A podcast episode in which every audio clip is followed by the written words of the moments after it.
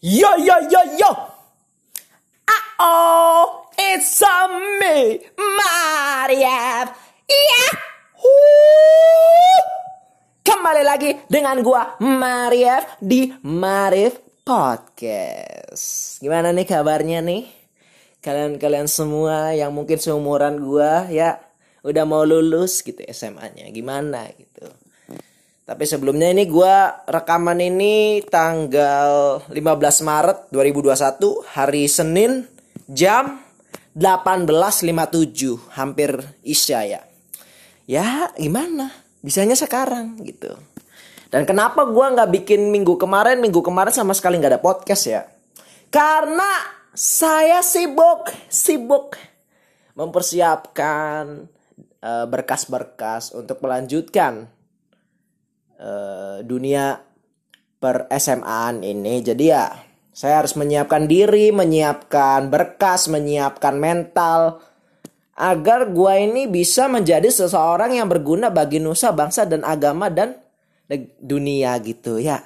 Jadi ya jadi ya mohon maaf gitu misalnya minggu kemarin gak ada dan gua lihat juga minggu kemarin dua minggu yang lalu gua rekaman nggak ada yang nonton eh nggak ada yang denger juga jadi ya udah nggak apa-apa gitu oke jadi sekarang kita ya udah lanjut aja.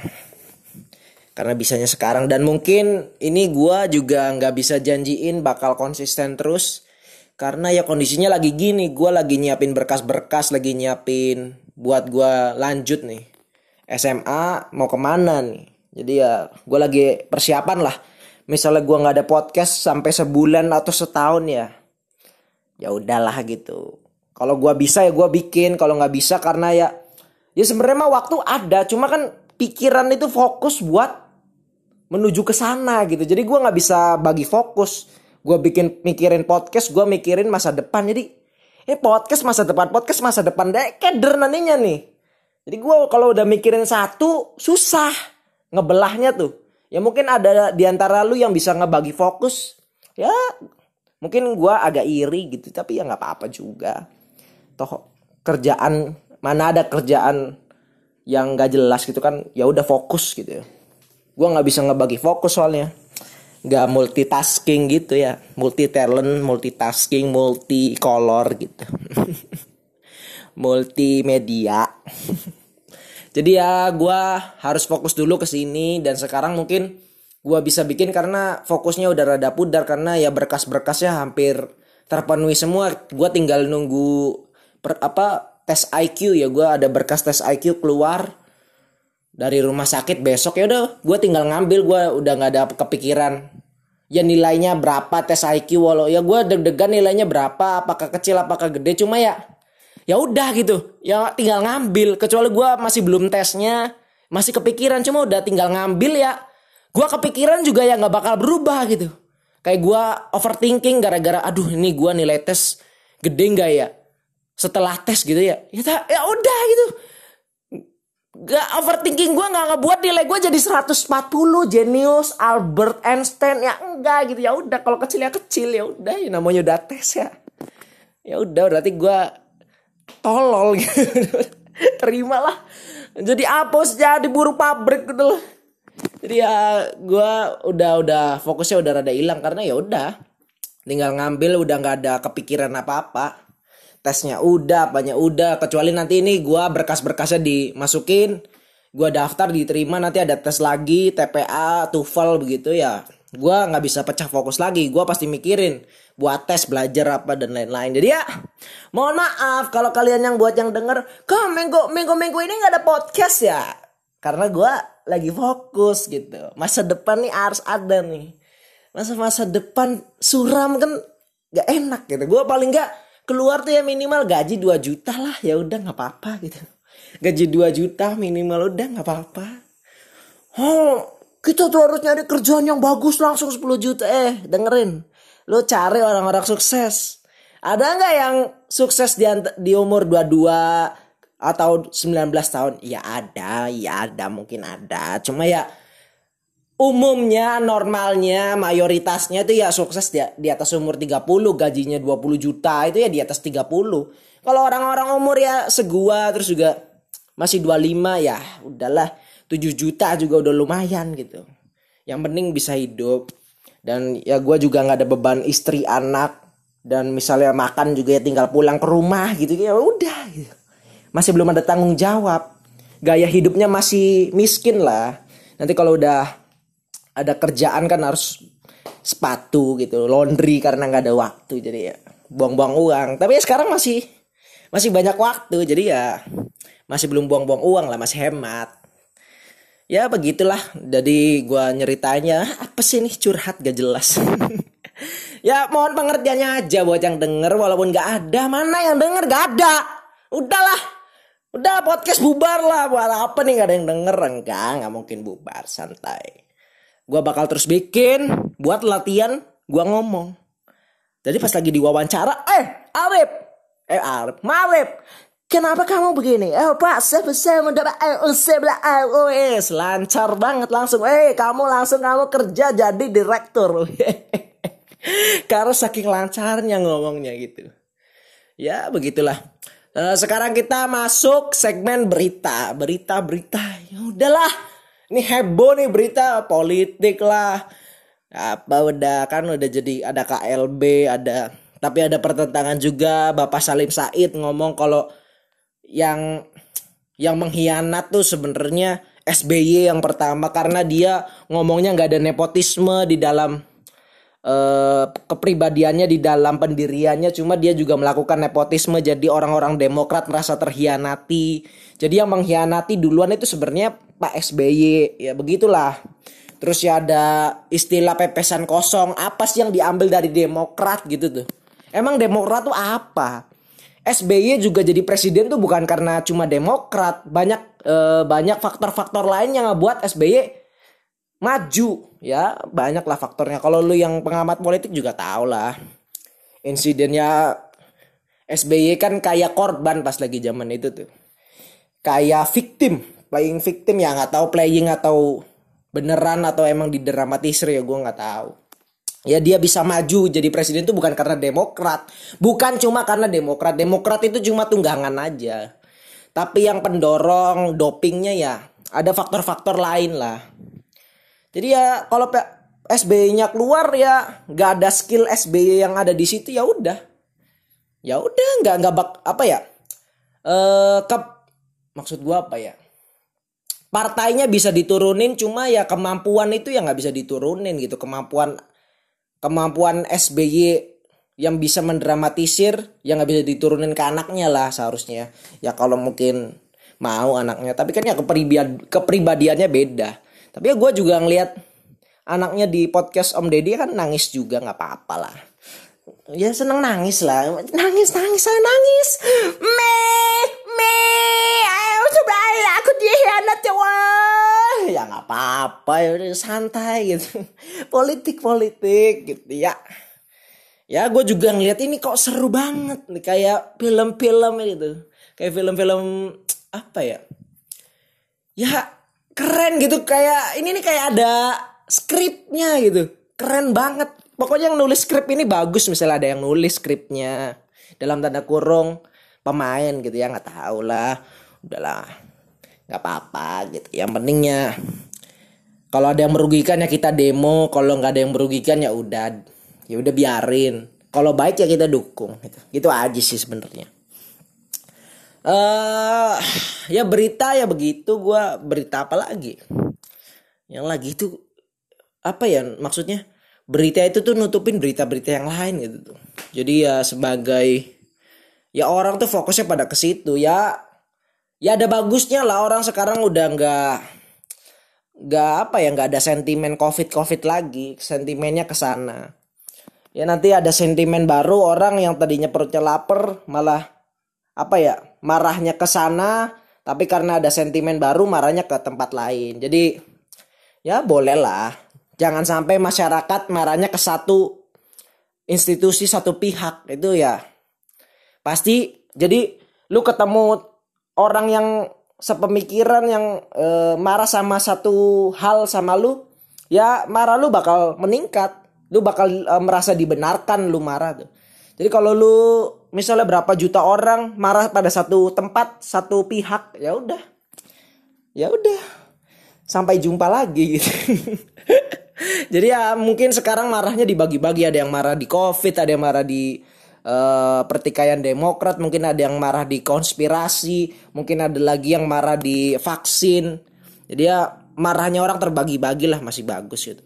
Jangan sampai marah satu, wah udah bye bye gitu.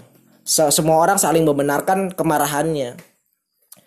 Ya lapar gimana sih namanya orang lapar ya yo ya gue emang masih enak gue bisa makan ayam setiap setiap minggu jadi ya nggak terlalu kena sih ya ya gue UMKM kok orang tua gue UMKM gue juga jualan poci jadi nggak tahu sih yang kena kan palingan uh, pegawai kena PHK kalau gue ya jualan gitu nggak ada PHK ya gue yang punya jualannya kan. Dan mungkin pendapatannya sekarang rada meningkat karena mau musim kemarau kan. Pas lagi musim hujan ya lu pengen jualan es pengen jualan makanan ya udah hujan ya udah sepi gue juga ST tuh dibuangin semua jadi ya sekarang udah rada meningkat. Mulai-mulai kemarau orang mulai keluar keluar apalagi nanti Ramadan udah. Itu akan menjadi sumber penghasilan utama gitu. Hidup kapitalis. Apa sih lah kiri kiri dasmu kiri. Uh, itu aja lah berita ini udah mas 11 menit nggak jelas ngomong apa ya udah sekarang gue mau ngebahas yang ya kejadiannya udah lama dan mungkin setiap tahun ada kejadiannya. Dan kita sama-sama ya ya viral lah heboh. Yaitu misalnya ada pesawat jatuh gitu.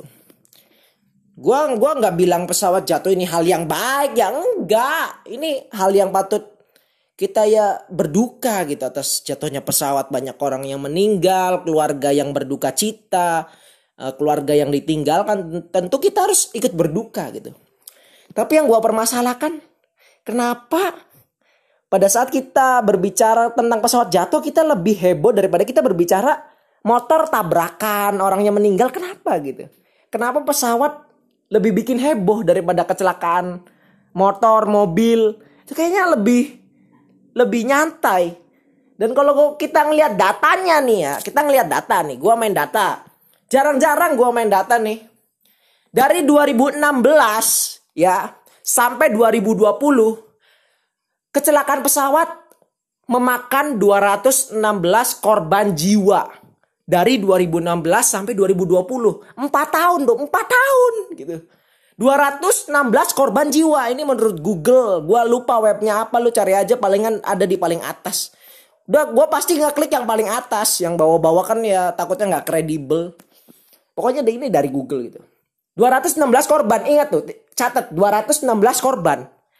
Dan kecelakaan bermotor, ya kecelakaan motor, setiap hari merenggut 70 orang korban jiwa. Jadi kalau kita hitung kecelakaan motor selama 4 tahun ya sama tadi kayak di atas kecelakaan pesawat selama 4 tahun itu perhitungan kasarnya ya 100 ribu pengendara motor meninggal karena kecelakaan gitu. Tapi kenapa pesawat lebih bikin heboh gitu? Kenapa? Aneh nih. Jadi ya ya ini aneh maksudnya untuk pertanyaan.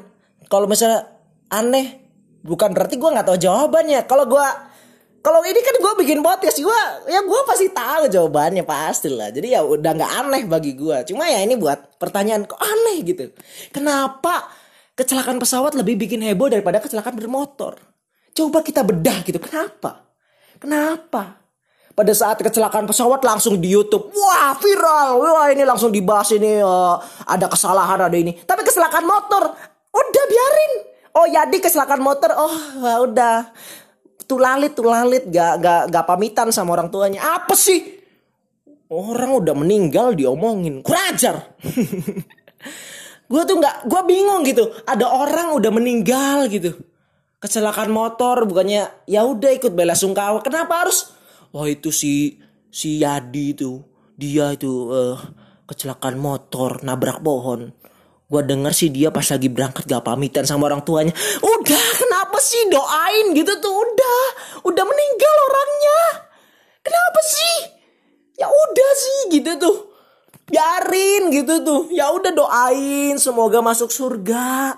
Kenapa harus? Oh itu si Yadi gak pamitan sama orang tuanya. Atau dibisikin setan budek. Ndasmu setan budek. Otak ira budek. budek enak. Bisa ngomongin. Udah doain di situ doain. Jangan diomongin. Udah doain aja. Semoga selamat. Semoga husnul khotimah. Udah gitu tuh.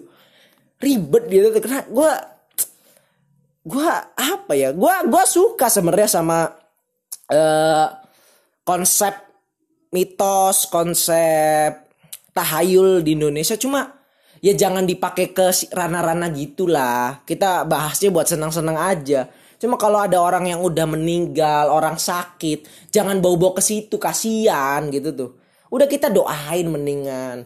Semoga dia cepat sembuh semoga dia masuk surga. Udah jadi bawa-bawa ke situ udah kita omongin aja. Kita ngeliat Ewing gitu tuh Ewing HD kita bahas paranormal experience buat seru-seruan gitu tuh. Biar hidup ini berwarna bukan jadinya lu jadi ini apa sih ya bahasanya ya? Ya ngeselin gitu tuh. Gua kalau ada orang ngomong kayak gitu ngeselin gitu.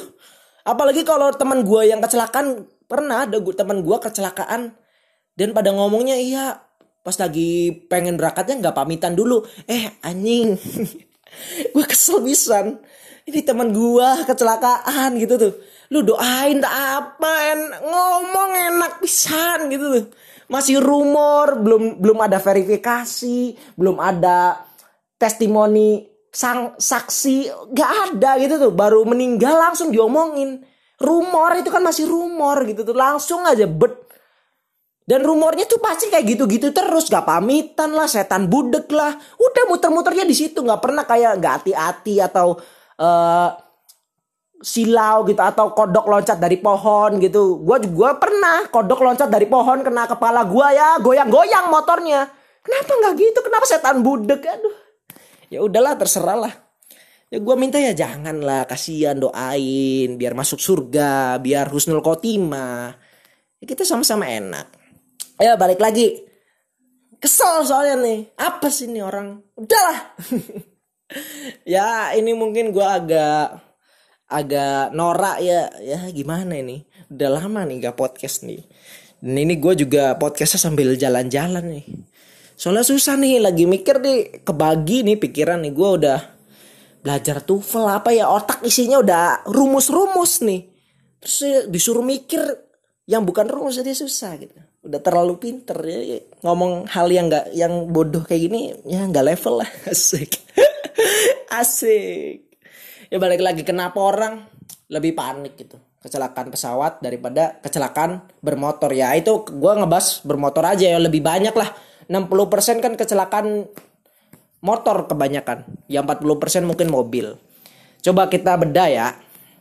Pertama mungkin dari dasarnya dulu ini masalahnya nilai gitu.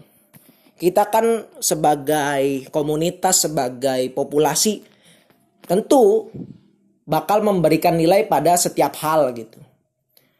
Ya sebagai manusia lah dasarnya. Pasti bakal memberikan sesuatu sebagai nilai. Cuma ini kan nilainya bukan nilai individu tapi menjadi nilai komunitas. Nilai antara individu.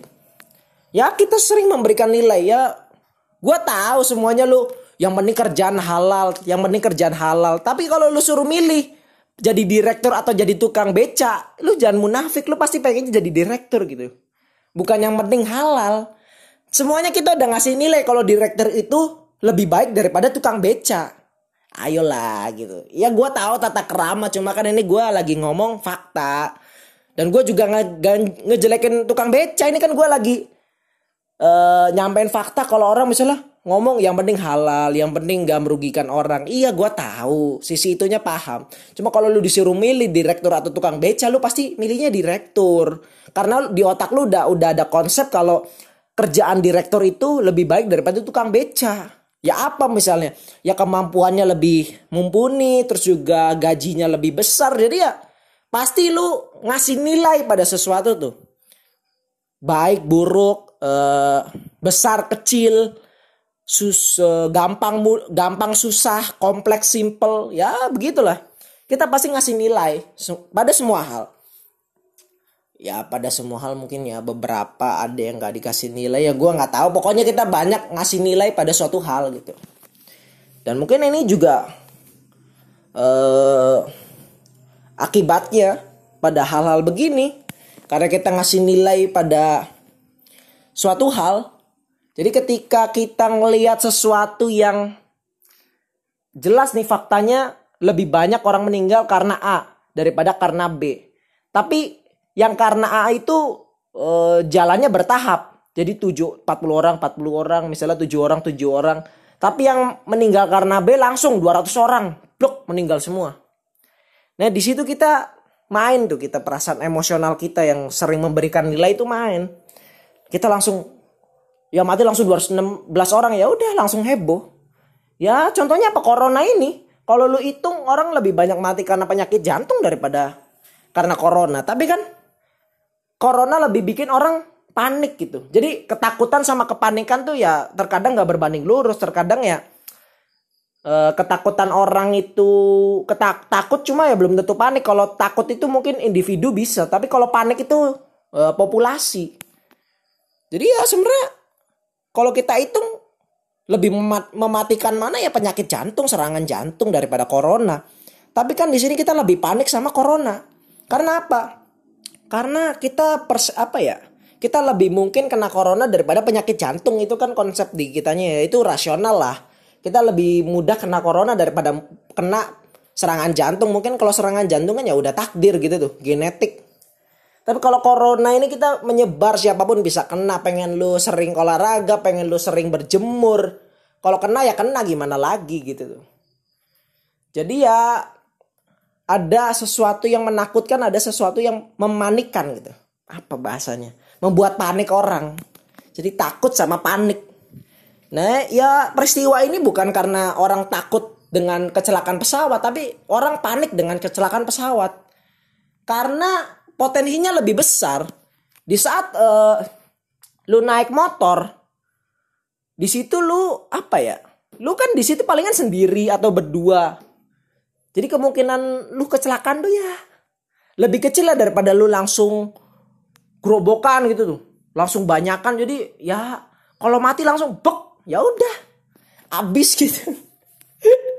langsung banyak.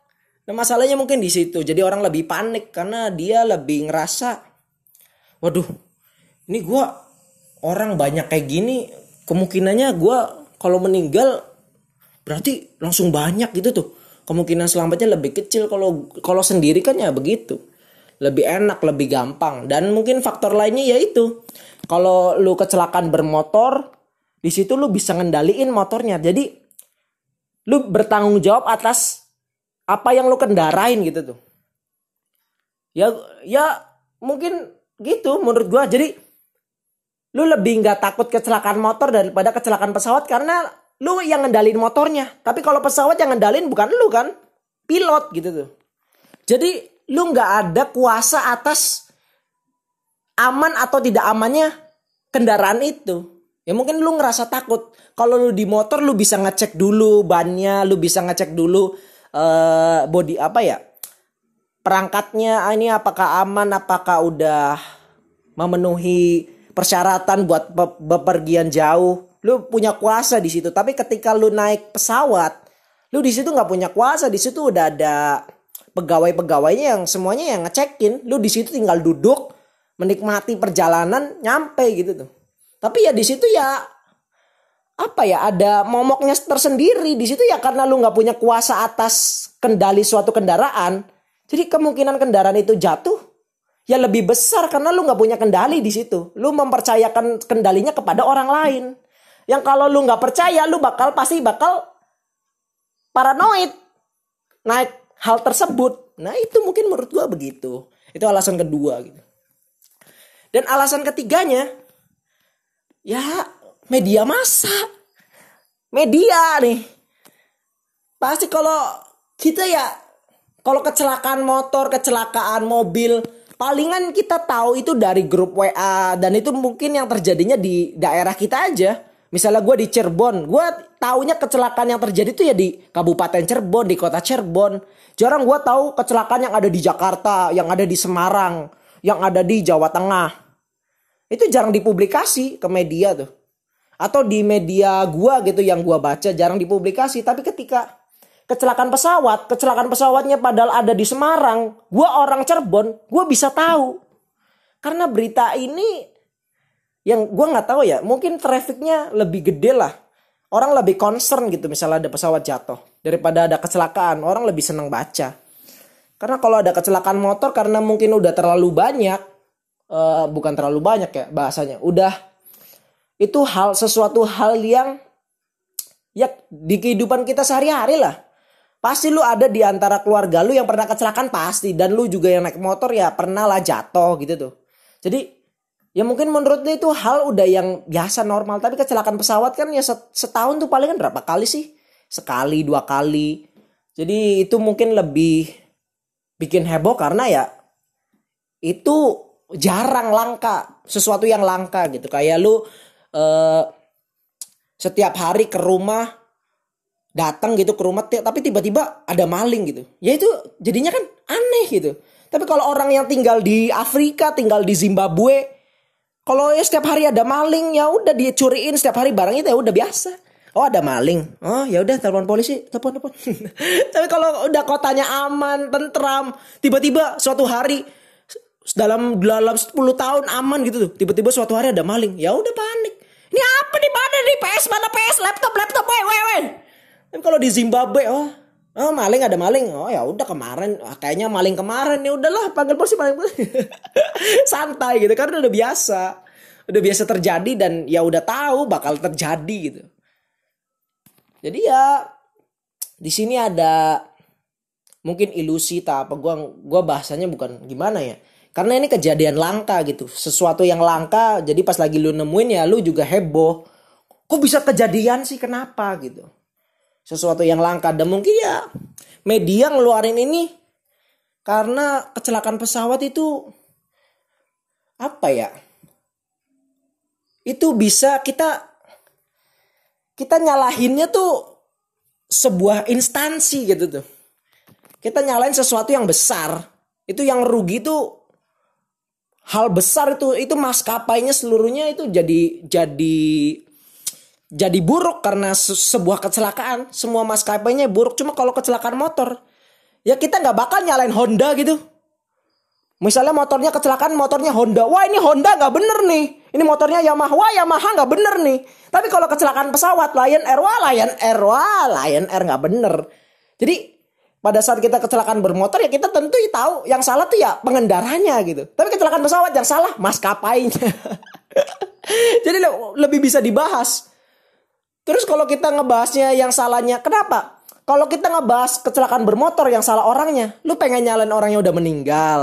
Ya lu nggak, lu nggak ada etikanya gitu. Tapi ketika lu nyalahin suatu institusi yang emang tugasnya itu untuk memberi keamanan, untuk mengantarkan, malahan membuat orang meninggal, dan itu institusi yang ya mati barang mati. Dan mungkin ada orang-orang di institusi yang bekerja pada institusi tersebut yang masih hidup gitu tuh. Jadi pas lagi lu nyalahin lu nggak ada beban moral di situ. Tapi kalau lu kendaraan bermotor orang naik motor meninggal, terus lu pengen beritain kalau orangnya goblok, ya lu ada beban moral di situ. Itu orang udah meninggal, masih pengen lu bahas kesalahannya gitu. Tapi ketika institusi yang salah ya udah salah. Jadi begitulah. Itu itu alasan ketiga. Atau itu lah alasan keberapa? Alasan keempat mungkin. Ya alasan lainnya apa? Yaitu alasan keempat yaitu media lebih menggembor-gemborkan. Uh, apa lagi ya? Mungkin kenapa media lebih menggembor-gemborkan? Mungkin ya itu kejadian langka dan ya bad news, bad news is a good news gitu. Jadi ya ya lebih baik lah. Dan apa ya? ini juga mungkin karena yang ya maksudnya yang yang yang terjadi kecelakaan itu orang-orang menengah ke atas kan jadi mungkin keluarganya lebih punya apa ya gue sebenarnya agak agak jahat sih ngomong kayak gini tapi ya udahlah gitu maksudnya keluarga ini konstri apa ya orang ini kontribusinya lebih besar gitu daripada orang korban-korban meninggal karena kecelakaan bermotor. Orang yang meninggal karena pesawat kan di situ mungkin ada direktur, di situ ada eh, seorang ya orang penting lah. Ya orang menengah ke atas gitu. Sedangkan orang yang bermotor mungkin ya orangnya lebih menengah ke bawah. Jadi ya misalnya meninggal aduh nggak nggak gue gue gue nggak berani nih beban moral nggak bisa nggak bisa. Ya begitulah lu lu paham lah. Ya tapi gue ya kita harus memahami kenapa. Tapi kalau sesuai data kalau kita rasional tentu kita lebih takut tentang adanya kecelakaan bermotor daripada kecelakaan pesawat. Tapi kenapa kita lebih takut naik pesawat daripada naik motor? Gue bingungnya begitu. Kenapa? Padahal kan itu persenanya kalau dihitung itu lebih kecil. Dari apa kecelakaan motor kemungkinan lu kecelakaan itu mungkin berapa persen? Ya ya kalau kita hitungnya dari semua orang pengendara terus dibagi 100 yaitu ya itu ke inian lah kekecilan nantinya. Cuma maksudnya pasti ke, persenannya lebih gede buat motor itu kecelakaan daripada pesawat. Yang udah ada pegawai-pegawai yang ngecek setiap hari. Kalau motor kan ya mungkin kalau lu yang apa ya Ya jarang orang setiap hari ngecek, setiap hari benerin. Kalau di pesawat kan itu kan ada orang setiap hari, setiap mau penerbangan, setiap apa pasti dicek dulu. Kalau motor lu naik motor ya udah naik aja, palingan diceknya seminggu sekali, ganti oli gitu. Jarang lu ngecek setiap hari, setiap mau berangkat cek, setiap mau ke mana cek ya enggak lah. Beda. Jadi kemungkinan kecelakaan sebenarnya lebih gede motor, tapi kita lebih senang naik motor daripada naik pesawat. Ya balik lagi mungkin karena kita punya kuasa di situ. Jadi misalnya ada kecelakaan bermotor ya kita tahu yang salah siapa gitu. Yang salah ya orang yang bermotor. Tapi kalau maskapai ya orang-orang ini nih nggak berdosa men gitu. Orang-orang ini nih nggak pantas mati. Ini narasi gua ya. Misalnya kalau ada orang kecelakaan bermotor, ya emang orangnya salah gitu tuh. Orangnya emang ya gimana salah orangnya gitu, nggak hati-hati. Tapi ketika kecelakaan maskapai, ini orang nih nggak punya yang nggak punya kesalahan dia cuma duduk numpang nunggu nyampe. Tapi kok meninggal gitu. Jadi ya begitu. Kita lebih ya ini orang-orang pada sebenarnya orang nih orang-orang nggak bersalah dia cuma duduk gak ngapa-ngapain kok kok bisa bisanya meninggal gitu tuh. Tapi kalau memotor ya kita kayak ya orangnya emang nggak bener ya di situ kita ada double standar lah ya. Bukan double standar ya bener juga pasti ada kesalahan gitu ya begitu. Susah. Gitu. gue juga ini susah nih nyampainya gimana nih. Biar bisa setengah jam lebih nah udah setengah jam nih kan. Dan itu itu yang yang sekarang gue temuinnya begitu. Ada kepanikan ketakutan ke kekhawatiran itu beda. Ternyata tiga hal yang berbeda. Kekhawatiran itu individu ketakutan itu ya kekhawatiran itu individu atau kelompok ketakutan itu individu atau kelompok kepanikan itu ya pasti kelompok. Gak mungkin orang panik sendiri biasanya ya. Ya apa sih? Paranoid ya. Ya mungkin kalau sendiri ya ketakutan lah. Kalau panik tuh ya di otak gue tuh kayak rame-rame gitu tuh. Wow, wow, wow, wow, wow. Ya, saling berbagi ketakutan baru membuat orang panik. Ya gue juga ngebahas ini ya setelah kemarin itu kan udah sampai di gue ngeliat trending YouTube itu ngebahas apa ada persnelingnya beginilah detik-detik. Ya rame gitu. Dan ya sebenarnya banyak gitu orang. Kalau kita rasional gitu ya lebih banyak orang kecelakaan bermotor daripada pesawat.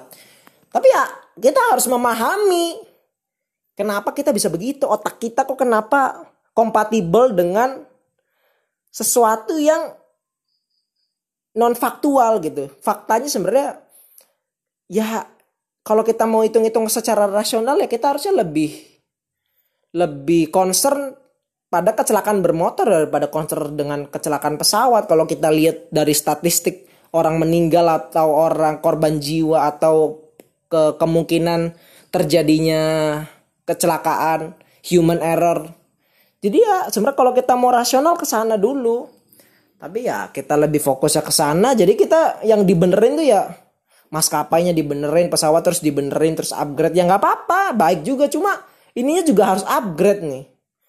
Jadi gua gua pengen ada pembahasan ya. Ini juga dibahas gitu tuh. Kecelakaan bermotor. Kenapa seorang bermotor? Ya apa solusinya? Jangan cuma karena kita terlalu panik dengan kecelakaan pesawat kita cuma ngeberesin eh ngeberesin sistem-sistem di penerbangan pesawat ini juga dibenerin nih. Kenapa? Karena orang Indonesia mungkin simnya nembak atau apa gitu tuh. Ininya juga dibenerin biar ya orang pada hidup gitu. Ya kita mau orang pada hidup kan gitu. Ya ya nggak apa-apa kita fokus ke situ. Cuma ini juga dikerjain dong. Orang nih ya iya ya iya bagus. Orang orang yang pesawat gak kecelakaan kalau kita ngebahas itu kan. Pasti nanti maskapainya bakal ngasih-ngasih regulasi atau pasti nanti menyesal atau ngasih apa dia pasti bekerja lebih keras biar meminimalisir kecelakaan itu terjadi. Tapi ya ininya juga dibahas. Biar ya paling gak apa kita ngasih pendidikan gitu tuh orang berkendara. Kalau baru baru lampu hijau langsung lakson apa sih gitu tuh udah sabar gitu. Itu lo ada gitu tuh mentalnya tuh. Meminimalisir kecelakaan jadi yang kalau kita ngebahas pesawat terus yang dibenerin pesawat terus ya ini nggak turun-turun gitu. Ah ini orang kasihan ini ini mati juga ini. Meninggal juga lebih banyak lagi. Diberesin juga gitu tuh. Ya terserah lu beresinnya secara birokrasi secara edukasi terserah. Paling nggak minimal ini turun. Jangan terlalu heboh terus sama ini yang diturunin cuma ini Cuma B A-nya masih banyak, B-nya ya turun terus ya. A-nya nggak dibahas ya udah A-nya gitu terus. Dan gue capek nih. Gue naik motor nggak jelas nih orang. Pengendara Indonesia kurang ajar memang. Gitulah. Karena kita tahu lah nggak mungkin kalau pesawat kecelakaan itu karena kesalahan orang lain tuh apa? Daya kesalahan itu nyala orang yang berkuasa dalam pesawatnya gitu. Tapi kalau kita kecelakaan motor, pengen lu udah hati-hati nih. Tapi ada orang brengsek cecunguk yang asal ngendaranya. Ya lu tetep aja. Sial gitu tuh. Lu padahal udah hati-hati 20 kilo per jam gitu tuh. 10 kilo per jam udah kayak jalan gitu tuh motornya. Tapi ada orang brengsek asal gitu naiknya udah gitu. Jadi ya kehatian ini nih apa? Ini nih gue makanya gue kadang-kadang naik udahlah naik elep aja lah naik angkot gue daripada naik motor tuh. Males gitu. Gue padahal udah pelan-pelan ada aja orang tuh. Gue udah minggir ke kiri gitu. Ada orang baru keluarga langsung weng. Aduh lihat-lihat dulu pak. Ah rusuk. Kesel. Kesel pisan gitu. Gue tuh maksudnya ini orang udah tua bapak-bapak. Ini pasti naik motor kan dari muda ya. Kok naik motornya masih gini gitu tuh. Gue bingung kenapa ini kenapa bisa begini.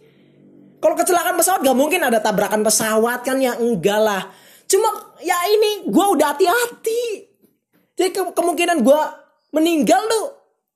Ya pengen gue hati-hati, pengen gue aman. Atau gue diem aja, gue nongkrong gitu tuh. Atau beli es kelapa. Bisa aja orang remnya blong, nabrak. Aduh. Ya inilah gue ya gimana gue pesimis orang. Ya udahlah terimalah diriku yang pesimis ini ya ya pesimis tapi optimis gitu. Pesimis tuh ya pesimis untuk optimis oke? Okay? atau gini, pesimis tapi usahanya optimis gitu. Ya nggak tau lah nggak paham. Ya usaha gitu yang penting usaha. Oh nggak oh, bakal bisa nggak bakal bisa. Ya nggak apa-apa usaha aja dulu misalnya nggak bisa ya udah paling gak udah usaha. Tapi kalau lo udah ngomong nggak bisa dan nggak usaha ya udah mati ya mati. Paling gak lo lo misalnya udah tahu oh, ini terlalu tinggi lah gue nggak bakal bisa. Tapi paling gak lo usaha gitu nggak bisa tuh usaha aja. Dan misalnya emang bener lo nggak bisa ya udah toh aku udah usaha. Semaksimal mungkin ya sudah udah usaha gitu. Selesai. Nggak nggak ngebuat lo ini. Ya itu kan cuma narasi aja di otak lo kalau lo optimis pesimis. Sebenarnya mah kalau secara prakteknya ya sebenarnya bisa aja sama aja orang optimis pesimis. Orang optimis bisa aja kerjanya malas-malesan karena terlalu percaya pasti bakal dapet. Dan orang pesimis ya bisa aja kerjanya semangat. Karena ya mungkin ya udah yang udah usaha. Gue ya gue tahu gue nggak bakal bisa tapi ya udah usaha ya nggak apa nggak apa-apa. Tuh ya nggak buang-buang waktu juga gue usaha. Nanti kan ini kan buat pengalaman buat apa? Ya begitulah Ya ada pepatah kan ya kalau orang yang optimis menciptakan pesawat, orang yang pesimis menciptakan pelampung. Jadi ya saling ini aja. Tapi ya secara praktik menurut gua mah ya gak sama lah. Itu mah cuma narasi di otak. pesimis optimis cuma secara praktek bukan berarti orang pesimis males orang optimis semangat enggak ada juga orang optimis males dan gue sering nemu dan dekat sama gue terlalu spesifik spesifik spesifik Asian Pacific woi lawakannya nggak jelas anjing. Udah nih udah 40 menit. Ngomong muter-muter 40 menit akhirnya. Gue dari tadi ini 40 menit kapan nih? Gue ngomong terus ngomong-ngomong. Akhirnya minum dulu. Hmm. ya. Ya gue sih berharap yang terbaik buat lu lu yang mungkin seumuran gue yang pada mau cari kerja yang pada mau kuliah semoga diterima di tempat kuliah yang diimpikan semoga diterima di tempat kerja yang diimpikan. Ya semoga walaupun lu yang gak diterima gak di apa ya gak putus apa ya harapan lu gak tercapai ya paling gak suatu hari ya ada lah ya maksudnya suatu hari lu pasti sukses gitu. Walaupun lu niatnya masuk ke sini tapi ternyata bukan jalannya ada jalan lain yang ngebuat lu lu, lu tetap aja sukses. Ya ujung-ujungnya kan ya udah sukses gitu tuh. Pengen jalannya ke kiri ke kanan ke tengah ke serong. Tapi kan ya kita pasti pengennya sukses. Ya mungkin ada di antara lo ah gua gua gua gua anti uang. Ya silakan nggak apa-apa. Kau terserah lu lah. Pengen anti uang pengen anti apa terserah lah. Hidup hidup lu uh, aduh enak banget. Ya nggak apa-apa tapi yang mau sukses ya misalnya nggak keterima eh jangan patah harapan cari jalan lain dan semoga ya jalan lain itu eh batu lompatan lu ke kesuksesannya. Kesuksesan definisinya apa ya? Silakan lu definisin sendiri. Pak gua kesuksesan itu apa sih ya? Menurut gue ya orang-orang ya yang jelas nanti kalau misalnya lu pidato lu disebut pertama. Yang terhormat misalnya lu siapa? Bapak Marif gitu. Yang terhormat Bapak Marif di suatu perkumpulan apa gitu tuh. Ya di situ lu paling gak lu paling sukses di tempat itu. Paling berwibawa di situ. Ya itu sukses yang yang jelas yang bisa secara objektif dinilai. Cuma pastikan orang beda-beda suksesnya. Ada yang pengen mobil tujuh ada yang pengen rumah ada yang cuma pengen bisa makan ada yang pengen yang penting anak-anaknya bisa jadi yang dia mau ya terserah silakan. Beda-beda. Dan misalnya beda terus ya nggak apa-apa gitu tuh. Kenapa harus sama sih? Dan ini nih apa Demokrat nih?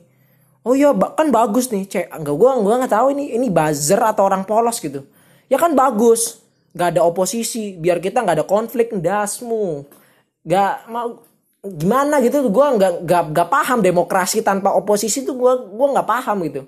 Nggak ada check and balance tuh gimana maksudnya? Eh, tapi gue nggak tahu ini buzzer ya. Buzzer tuh ada enggak juga gue nggak tahu atau ini cuma istilah ejekan aja buat orang yang fanatik militan gitu. Kan ya ini juga ada kadrun apa. Ya terserah lu lah gue nggak ikut-ikut ke sana gue kan ya pengennya mah bela negara bukan bela pemerintah. Udah gue bela negara. Gue membela negara ya gue membela pemerintah ya ya tidak tahu. Kita lihat aja nanti. Gue dapet kerjanya apa. Kalau gue dapet kerjanya di pemerintahan ya gue bakal kerjain sebaik-baiknya lah. Ujung-ujungnya retorika debat itu ya retorika. Kecuali lu pengennya debat ilmiah ya. Kalau ilmiah ya A ya A A atau non A tapi kalau debatnya filosofis debat filsafat ya udah bisa.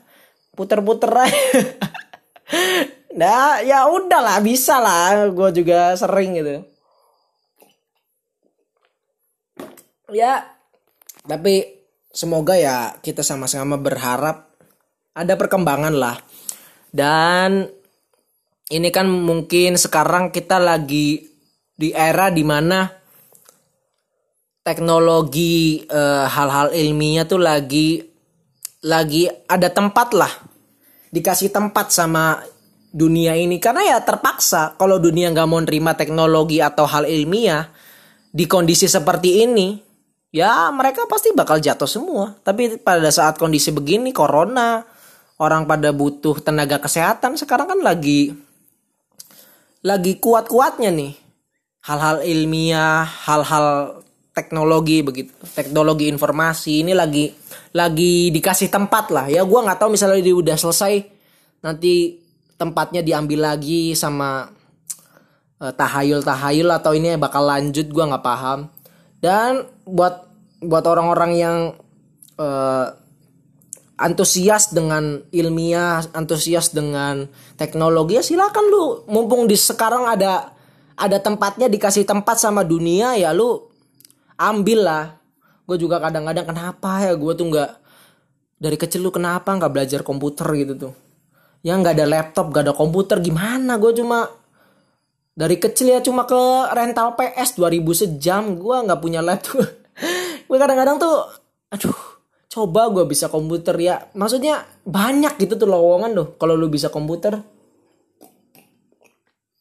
Tapi ya udahlah gimana? Udah udah kelewat sekarang juga gue nggak nggak punya laptop apa ya udah.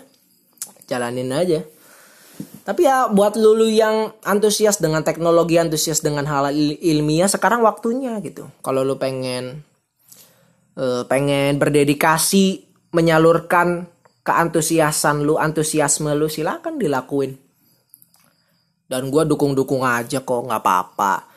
Dan untungnya apa lu kalau bergerak di dunia ilmiah dan teknologi ya perdebatan tuh minimal apa ya perdebatan tuh ya dikit gitu di sana tuh susah lu berbeda pendapat tuh nggak ada orang berbeda pendapat tentang hal ilmiah tuh nggak ada orang tuh berbeda pendapat tentang hal-hal yang filosofis, hal-hal yang bermakna gitu tuh.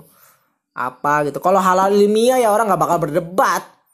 Kalau apel itu buah ya orang nggak mungkin apel itu rumput yang enggak lah ya udah apel buah. Itu secara ilmiah dibuktikan apel itu buah udah gitu.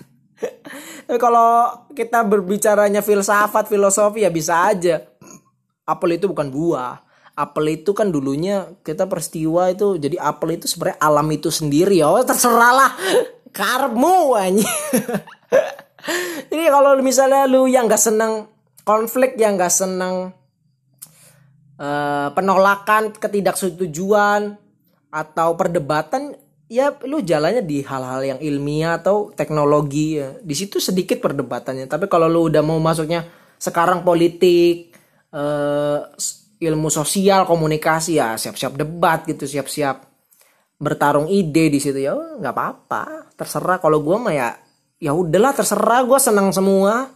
Gue sih ya yang penting profesional gitu gak passion passion apalah passion passion gak jelas passion. Ya gitu aja ya. Gue ini kayak orang apa nih ngomong nih? Ya ini juga gue lagi apa ya? Bikin podcast ini adalah perasaan kayak seneng gitu. Ya eh, terapi. Apa ya bahasanya? Terapi medis banget. Apa ya? Eh, ya ya semi terapi lah. Ini kayak semi terapi gua eh, menikmati hidup gitu tuh. Kayak gue tuh be kayak kalau udah bikin podcast tuh besok lebih seger nggak tau kenapa badannya tuh. Kayak otak gue tuh tersalurkan semua opini gue tersalurkan kayak lebih enteng aja badan tuh. Ya nggak tahu gue juga nggak paham. Gue gua nggak belajar terlalu belajar tentang psikologi apa ini. Gue gua ada buku psikoanalisa belum gue baca. Dan gue lihat apa ya lihat-lihat komentar orang-orang ilmiah ngawur. Jadi gue juga aduh ini gue kenapa beli? Gitu. Tapi nggak apa-apa lah. Kita belajar dari kesalahan ya nggak apa-apa. Kita bisa mengetahui sesuatu itu benar dari sesuatu yang benar bisa. Tapi kita juga bisa tahu sesuatu yang benar dari kesalahan gitu. Lu bisa tahu keadilan dari buku keadilan gitu. Tapi lu juga bisa tahu keadilan dari buku ketidakadilan bisa. Jadi lu lu ngebaca segala ketidakadilan dan lu uh, setuju kalau itu ketidakadilan lah. Ya lu tinggal dibalik aja. Yang adil tuh kayak apa? Ya di situ di saat itu lu nggak cuma tahu keadilan tapi di situ juga lu berpikir kritis di situ. Jadi kalau lu tahu kebenaran dari kebenaran ya lu cuma tahu kebenaran. Tapi ketika lu tahu kebenaran dari kesalahan lu tahu kebenaran dan lu tahu cara gimana orang kritis di situ tuh. Karena lu seharusnya kalau lu tahu kesalahan ya lu harusnya salah. Tapi pas lagi lu tahu kesalahan dan malah lu jadinya tahu ya yang lu praktekin dan yang lu tahu itu kebenaran dan itu salah lu tahu itu salah ya lu jadi kritis di situ. Jadi ada ada dua fungsi lah saat lu belajar kebenaran dari kesalahan. Buat lu berpikir kritis dan ya gue juga pada kenapa pada takut sama hoax? Ya itu kita bahas lain waktu lah uh, perspektif gue tentang hoax. Tentu gue juga nggak mau lah orang ngomong ngasal apa ya. Tapi kita bikin lah. Maksud gue bukan jangan dilarang tapi ya diatur. Diaturnya kayak apa nanti kita dibahas selanjutnya. Ini gue kebanyakan janji. Kemarin juga janji banyak tema. Sekarang janji lagi mending dibahas. Kalau nggak dibahas ya apa? Nggak jelas. Ya udah. Gue udah kayak podcast awal minggu nih. 50 menit nih. Ngomong gak jelas kayak gini dan mungkin lu yang denger gue terlalu cepat ngomongnya atau uh, belibet gitu. Ya gue mohon maaf. Gue semua gue sebisa mungkin emang ngomong secepat mungkin biar ya biar otak ini dipaksa buat ngeluarin kata-kata apa yang gue katakan selanjutnya apa yang pengen gue omongin selanjutnya biar cepet.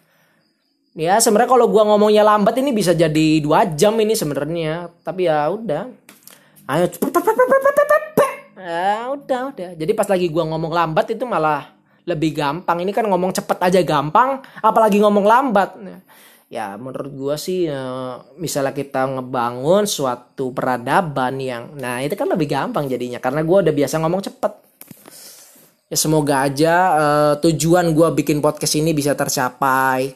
Dan gue juga minta doanya gue minta support dari kalian semua. Ya semoga konten konten kreator apalah ya podcaster ini Marif ini bisa menjadi orang sukses gitu. Gue ini lagi masa-masa pengen ke dunia kerja lagi masa-masa pengen menghadapi kehidupan masyarakat. Gue gue apa ya masa-masa untuk berkontribusi pada sosial gitu jadi ya semoga gue bisa berkontribusi banyak atau ya sedikit paling enggak kontribusi. Ya tadi ada telepon. Paling enggak kontribusi gue ya ada maknanya lah entah untuk sementara atau untuk selamanya. Ya terserah. Semua ya gue minta doa dan supportnya buat kalian semua. Ya nggak apa-apa lah udahlah ya. Alay nih ya. Gue jadinya emosional gitu sih. Ya, ya udah. Ya udah nanti misalnya gue gue bisa bikin podcast gue fokus yang nggak kebagi gue bakal bikin. Tapi ya kalau gue nggak bisa bagi fokus ya udah. Bersabarlah wahai pendengarku.